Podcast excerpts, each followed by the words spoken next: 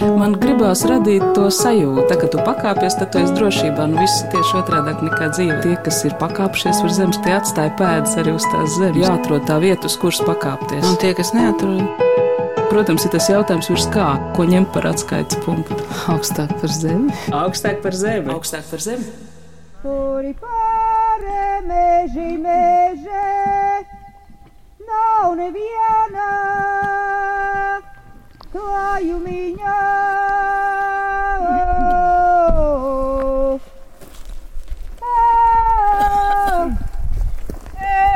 dziedoju, kas tur bija. Tev augstums ir zināms, kas tur Esiet sveicināti! Tagad jums jāiztēlojas. Maija novakare, taču pirms diviem gadiem, Sāviens pilskalns, tas ir netālu no ļaudonas vidzemē, piekdienas vakarā te apstājas vairākas mašīnas, no tām izkāpj sievietes, apskaujas. Atcerieties, tas notiek pirms diviem pandēmijas pavasariem. Ātri pārģērbis dīvainās meža drēbēs, aizsprāžot piedurknes pret odiem, knišļiem, ērcēm un sāk iedziedāties. Un tur jau nāk arī kāds vīrs, apkrāvies ar skaņu tehniku, mikrofoniem, rācijām. Jūs ejat tur, kur Vineta bija, jā?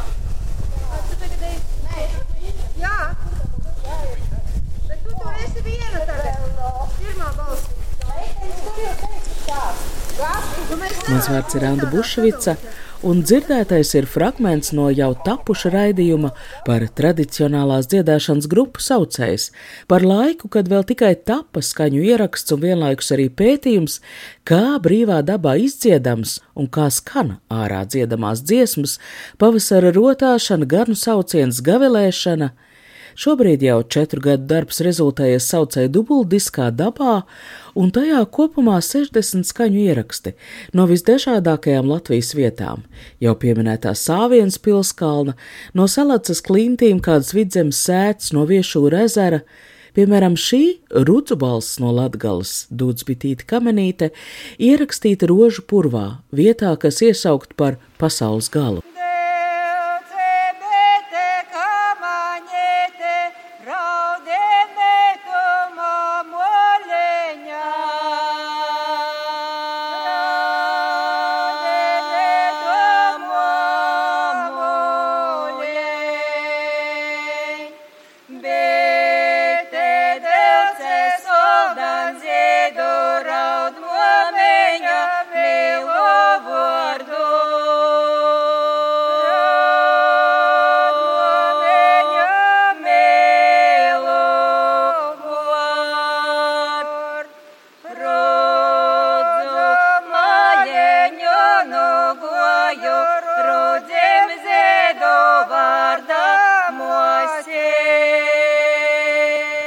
Dziedātājs ir Iveta Tāla un Jānta Meža, viņas arī mani sarunbiedrs šodienas raidījumā.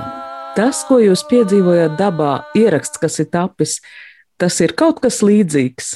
Gluži viens pret vienu nav. Un to arī mums tas pētījums parādīja, ka tas, ko dzird cilvēka auss, ir bišķiņš, tomēr cits, ko dzird mikrofons. Un dažreiz līdz ar to bija ļoti daudz ieraksti nederīgi.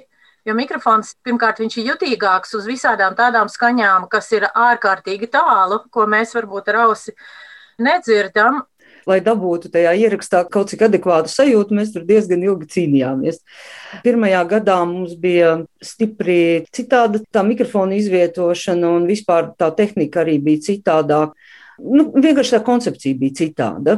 Nu, tā pamatlieta, kas tur mainījās, bija tieši tādēļ, ka mēs gribējām dabūt vairāk to fonu iekšā. Jo mēs, protams, tad, kad dziedam, mēs viņu arī dzirdam. Nu, neskatoties to, ka mēs tomēr esam, protams, dziedātājs, un mums ir tā dziedātāja pozīcija, no kuras mēs klausāmies. Kaut gan nu, mēs dzirdam arī kā citas dzied, tad mēs varam arī to klausītāju pozīciju izbaudīt. Bet mums bija svarīgi panākt, lai līdzās tai dziesmai skanētu arī tas fons, lai mēs dzirdētu to fonu. Un tad uh, gads palīdzēja nonākt pie tā, ka mēs līdzās tiem omni mikrofoniem, ja, kas ņem tādu ļoti plašu lauku, arī izmantojam vērstos mikrofonus, kuri tā tad tiek pavērsti prom no mums uz to dabas fonu, un pēc tam šos reizē radītos ieskaņojumus, tad Gati sinhronizēja studijā. Un tad tas rezultāts, kas tur ir, tad lielākoties ir sinhronizācijas rezultāts.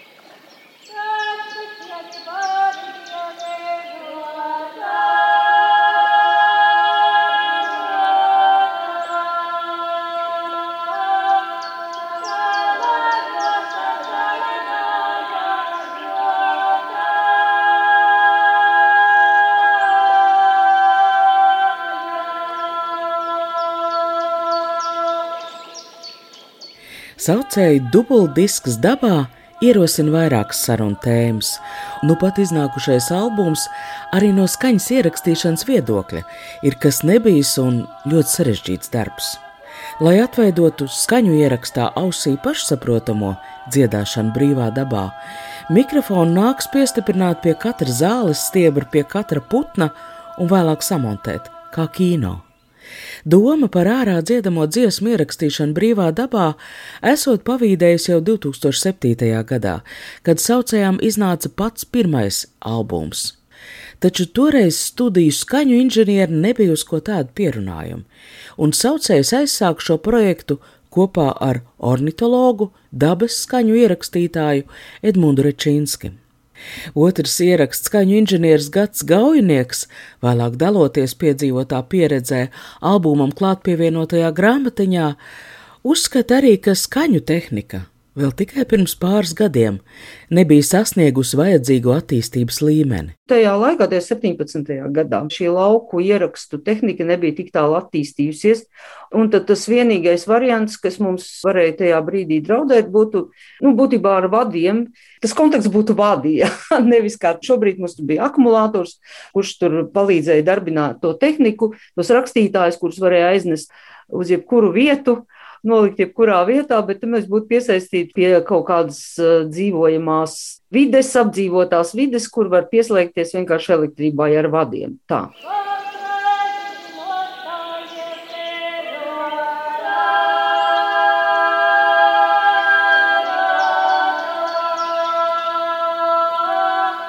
Albumā Dabā par katru ierakstu saucējs sniegušas arī daudzveidīgas ziņas un daļa no tām ir šādiem ierakstiem ierastas, ziņas par dziesmas teicēju, par pierakstīšanas gadu, par novadu, taču šoreiz katram ierakstam norādīts arī tā tapšanas laiks, vai tas būtu rīts, vakars vai pat nakts, un nemazāk svarīgi ir ieraksta vieta, būt piesietām elektrības avotām vai sasaistītām ar vadiem.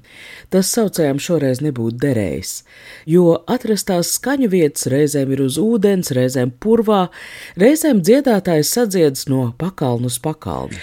Kurš ir eh, termina skaņvieta izgudrotājs? Jo mums nepatika tā lokācija. Arī Jantei nepatika tā lokācija. Tad, nu, jā, kaut ko vajadzēja izdomāt. Kā tev šķiet tā skaņvieta? Ļoti labs vārds, un man šķiet, ka tagad varētu pat iznākt kartē ar Latvijas labākajām skaņvietām.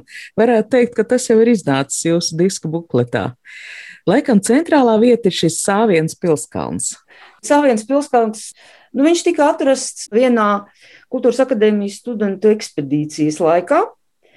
Juris Urtāns tur visus ekspedīcijas dalībniekus bija aizvedis. Tā pilskalna apkārt tas uzreiz bija redzams, ja, ka tur ir tie slapjie laukumiņi visapkārt, jā, tur ir viens pārpurvojies ezers, tur ir viens meža ezers turpatās, un tur ir tā ainava ar tiem pakalniem, nu, tur tas pilskalns un vēl citi tie pakalni, un tur ļoti interesanti tā skaniskā vide, un kas nebija mazsvarīgi, arī tas, ka tas reliefs tur bija tāds, ka Viņš slāpēja, piemēram, ceļu troksni. Ja? Janta Meža atsevišķā rakstā sīk aprakstījusi dziedāšanai atrastās vietas, mēģinot arī izskaidrot, kāpēc to akustika ir tik īpaša vai atšķirīga. Janta, kā noderēja tavs bioloģijas zināšanas, lai aprakstītu nu, to krustpunktu starp dabu un cilvēku balsi? Protams, no tādām dabas formām, kas ir nu, nu, geogrāfiski veidotas. Nu, tur jau īpaši bioloģija, nu tā mazāk var ietekmēt. Bet um, bioloģijas zināšanas ļoti labi noderēja aprakstot augu valsti. Protams, augu valsts tādā mežainā vietā kā Sāviens pilskalns ir ļoti daudzveidīga. Pamatā tur ir meži, un tad mēs dziedājām mežā, kuru varētu raksturot kā silu vai mētrāju.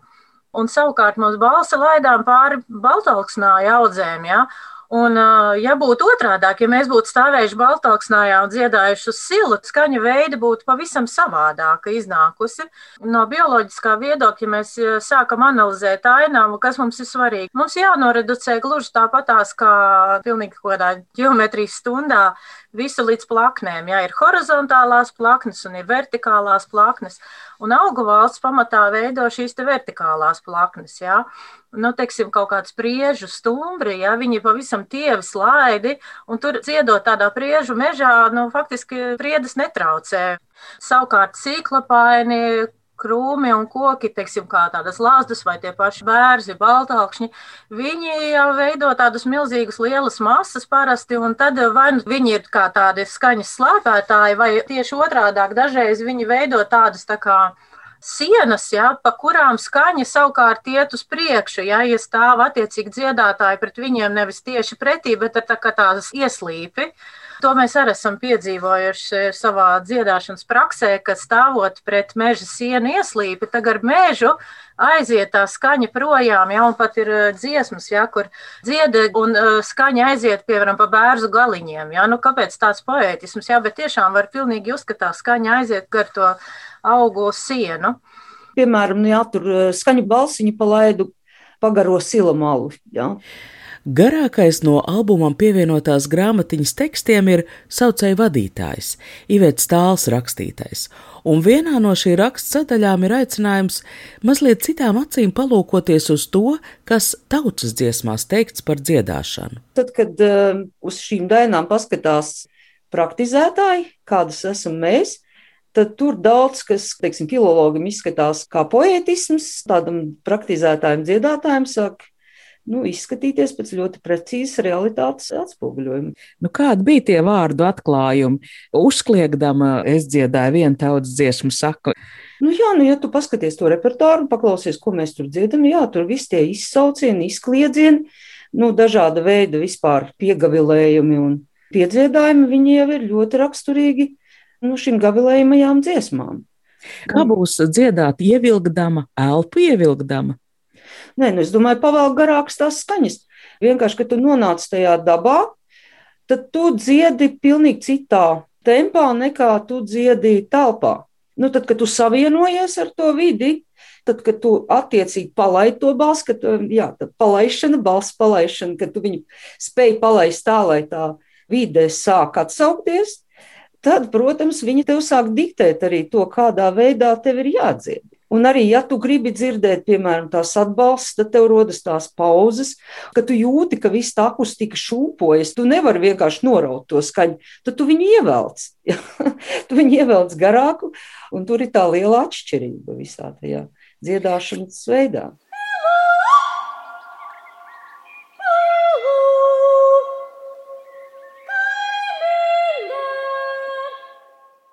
Šī ir gana dziesma, dzieda Elīna Ellere, ieraksts veikts jūnijas sākumā vidzemē Ruķeļa sētā, Jānta Meža raksta. Dziedāšanas vietā visa pakalna nogāze no augšas līdz apakšai, apmēram 50 metru platā joslā, bija atbrīvot no kokaugiem, veidojot garu skaņas koridoru. Tad seko ziņas par auguru un ieplaks relatīvo augstumu starpību, par attālumu līdz jaukta meža audzei, kas veido dažādas formas akustisko sienu. Vai esat kādreiz palūkojušies uz savu apkaimi, kā uz dabas veidot koncertu zāli? Es prātoju, ka Latvijas kartē ir tādas vietas, kur nosaukumā jau skaņai arī jums viena no dziedāšanas vietām bija pie salacas. Es gan saprotu, ka ne gluži skaņais kalns, ko ļoti daudz zina, tāds skaists milšakmens klints pie upes, bet kaut kur mazliet tālāk. Jā, nu, skaņais kalns būtu bijis ļoti laba vieta, bet tur bija ļoti daudz turistu. Tur būtu ārkārtīgi sarežģīti ierakstīt. Bet eh, tā kā salacas iela, ja viss cauri jau kādu krietnu gabalu arī pirms un pēc skaņā kalna ir ar uh, smilšakmens atsegumiem un stāviem, visai stāviem krastiem, kas apauguši ar mežu, tad mēs pagājām kādu kilometru varbūt netik tālu prom no skaņā kalna, atradām jauku vietu, Tur sākām dziedāt, jā, un tiešām bija ārkārtīgi skaņi. Ārkārtīgi skaņi.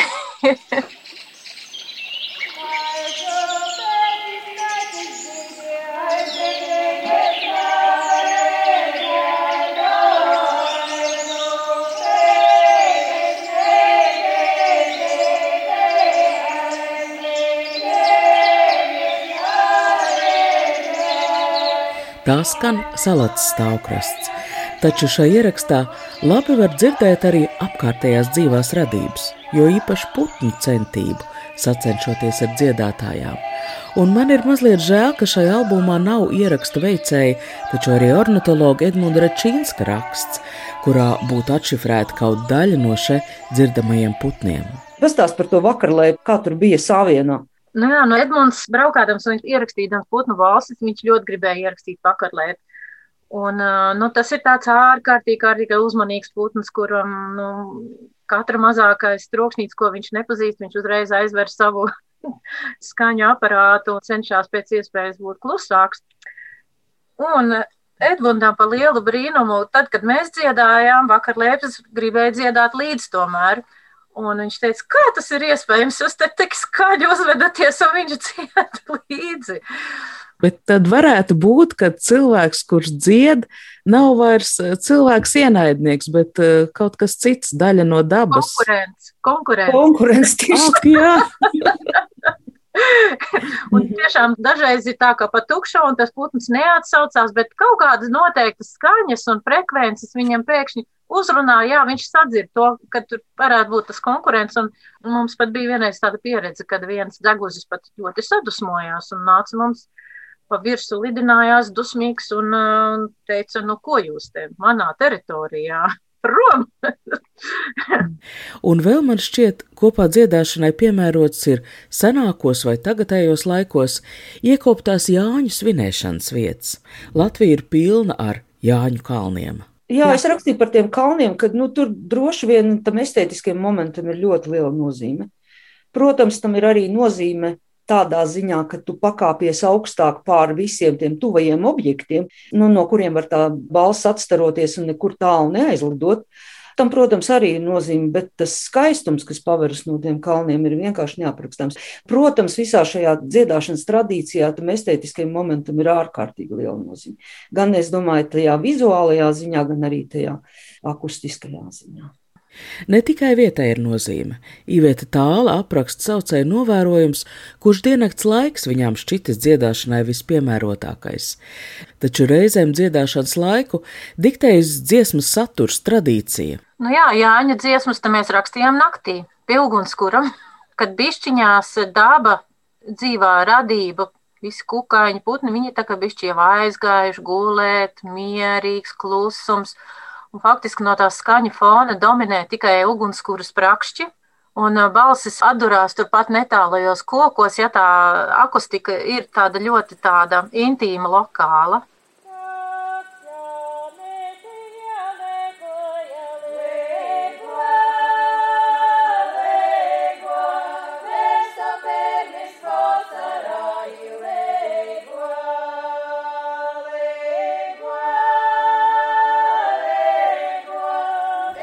Tagad ir īstais laiks atklāt, ka Ruķeļi, viena no albuma dabā skaņvietām, ir diska izdevēju, kultūras menedžmenta centra lauska vadītāju Juru un Dainas Zalānu mājas, un mana patreizējā sarunbiedra Daina ir bijusi klāt ieraksta tapšanas brīdī. Vai tu atceries to mirkli un kāds bija sajūts?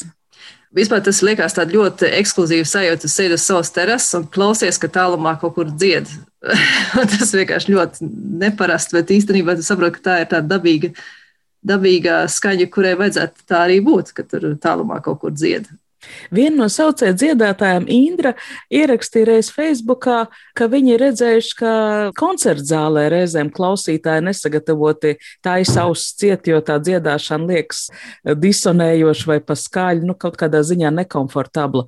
Un man liekas, ka dabā, tur ir vajadzīgs attālums, ka klausīties šīs dziesmas no attāluma ir viss, viss skaistākais, visgaistošākais. Jā, nepieradušām ausīm varētu būt, kad viņas telpā un ja ļoti intensīva tā skaņa ir. Jā, tieši nepierasta, bet eh, dabā viņas vienkārši ļoti dabīgi iekļaujās visā. Un, un vēl kas man pārsteidz, bija, ka viņas bija nu, kalnā dziedāja, mūsu publikai bija jābūt lejā, eh, ielējā.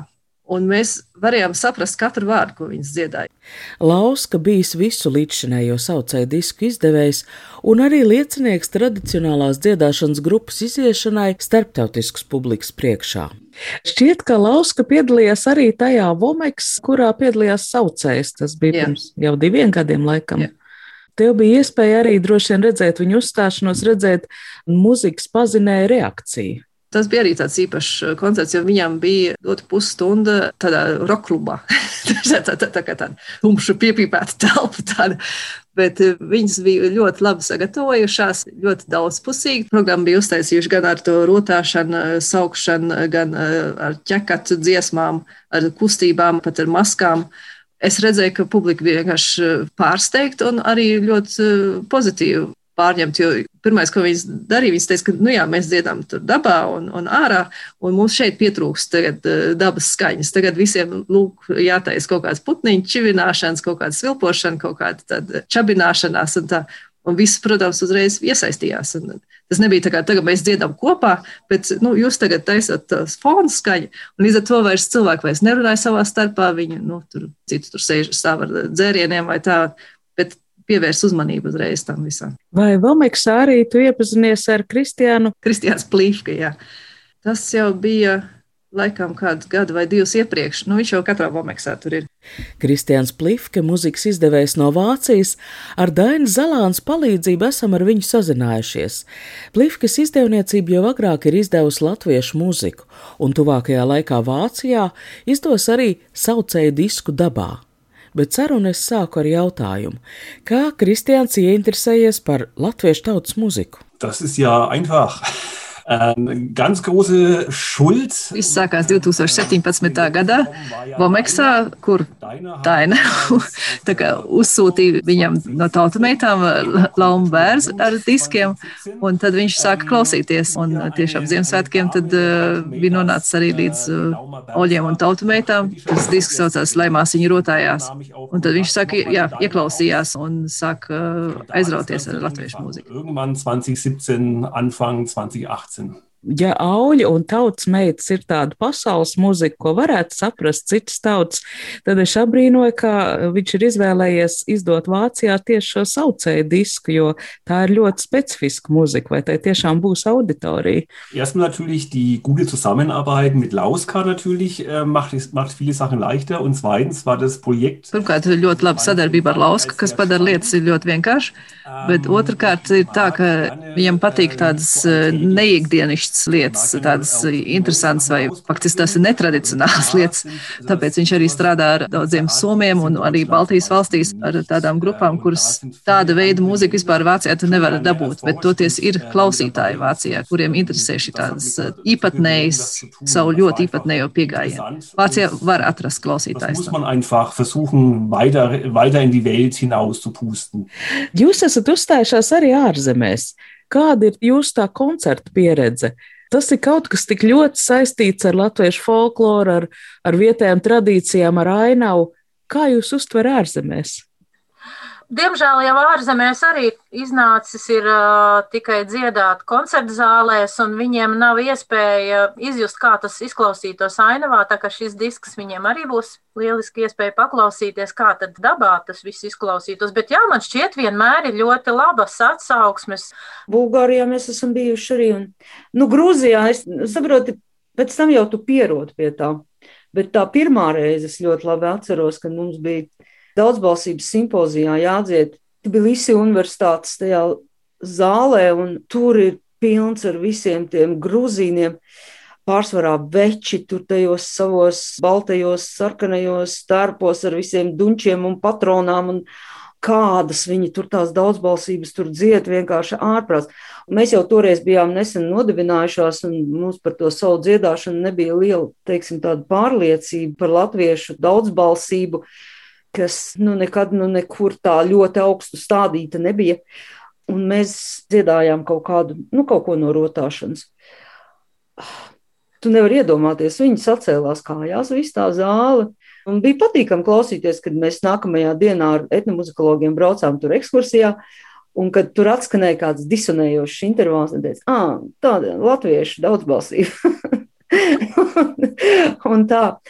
Nu, jā, lai, protams, mūsu tās pamatvērtības, tur, protams, ir tur kaut kāda teiktā dziesma, un tomēr tas senais slānis ir ļoti interesanti tāda parādība, bet nu, viņi varbūt nav tik ļoti, nu, kā lai saka, uzkrītoši ar savu. Nu, es nezinu, viņi nav varbūt tik uzrunājuši kā tur kaut kāda Balkāna tiešām tur dziedāšana vai tā, tā pat Gruzīnu daudzbalsība, bet, nu, Es domāju, nu, kas mums ir, nu, to tomēr jācenšas nodziedāt pēc iespējas labāk, pilnvērtīgāk. Jāmācās, kā to izdarīt, un tad mēs arī varam nu, teiksim, nostāties blakus tādām daudzbalsības tradīcijām ar to, kas mēs esam.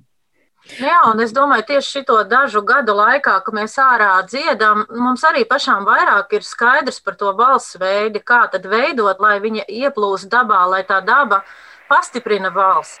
Kori,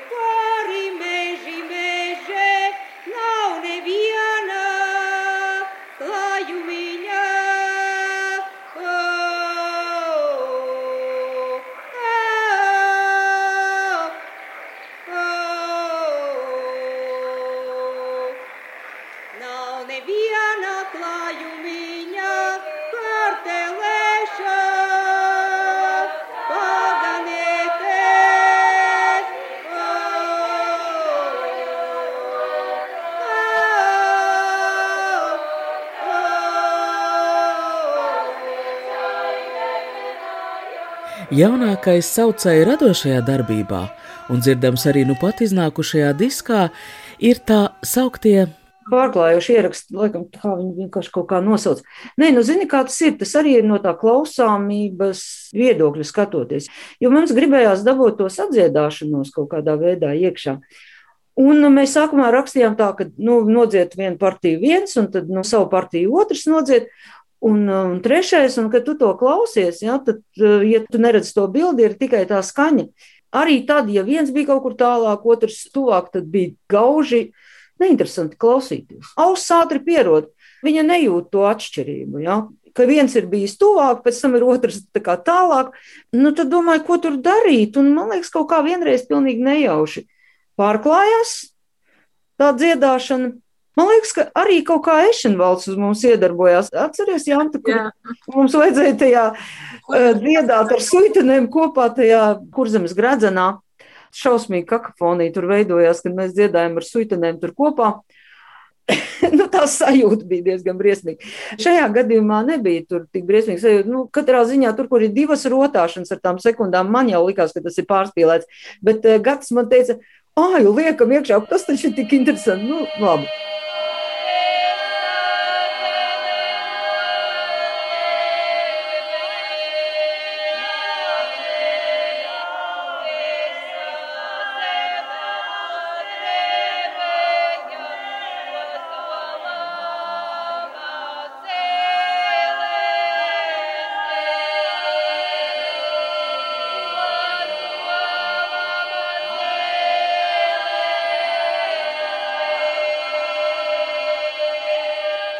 Ar saucēju dziedātājām Ivetu Tāli un Jantu Mežu sarunājās Anna Bušvica, šī raidījuma skaņoperators Valdis Raitums. Bet vai jūs atceraties, ar ko mēs šo sarunu sākām? Ar jautājumu, vai ieraksts dabā kaut nedaudz atklāja saucēju dabā piedzīvoto. Krāšņākie stāsti, kā jau tas parasti notiek, palika ārpus šim raidījumam atvēlētā laika par lēnu grimšanu dziedot rožu purvā, par celtniecības preču veikalos iepirktajiem pretodu kombinzoniem, par ārēšanos naktī pāri viešūra ezeram. Ieraksts nespēja atklāt visu saucēju piedzīvoto, ejot šo dziedāšanas brīvā dabā izpētes ceļu. Un, un ļoti daudzas neveiksmes ir. Atceries, Iveta, pie tā mazā līnīša, ja tieši kur tās kājas grib iekšā, jā, no tiem ierakstiem arī kaut gan, teiksim, stāvot un dziedot, bija nu, tāda fantastiska sajūta. Nu, tāda fantastiska sajūta. Likās, nu, tā akustika vienkārši ir tur, oh, vai ne? Un beigās tajos ierakstos viss tas kopums bija gandrīz neizmantojams, vai ne? Tu pati stāstīji pēc tam, kad tu klausījies. Jā, vienkārši nu, viņi bija tā akustika bija pārlieka, un mēs tur lielākoties ierakstījām grupu dziedājumu. Un, nu, saprot, kā ir. Tad tur tāda ap ezeru apkārt ir tāda koku siena diezgan blīva.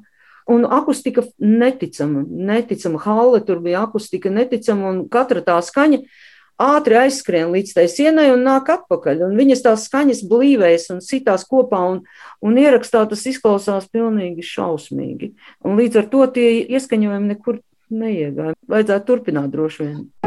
Tā kā tu pakāpies, tad tu esi drošībā. Nu, viss ir tieši otrādi nekā dzīve. Tas ir tā spēle, jā? Tie, kas ir pakāpšies virs zemes, tie atstāja pēdas arī uz tās zemes. Protams, ir tas jautājums, ko ņemt par atskaites punktu. Nē, nu, principā ir skaidrs, augstāk par zemi. Jāatrod tā vieta, uz kuras pakāpties. Augstāk par zemi. Augstāk par zemi. Augstāk par zemi.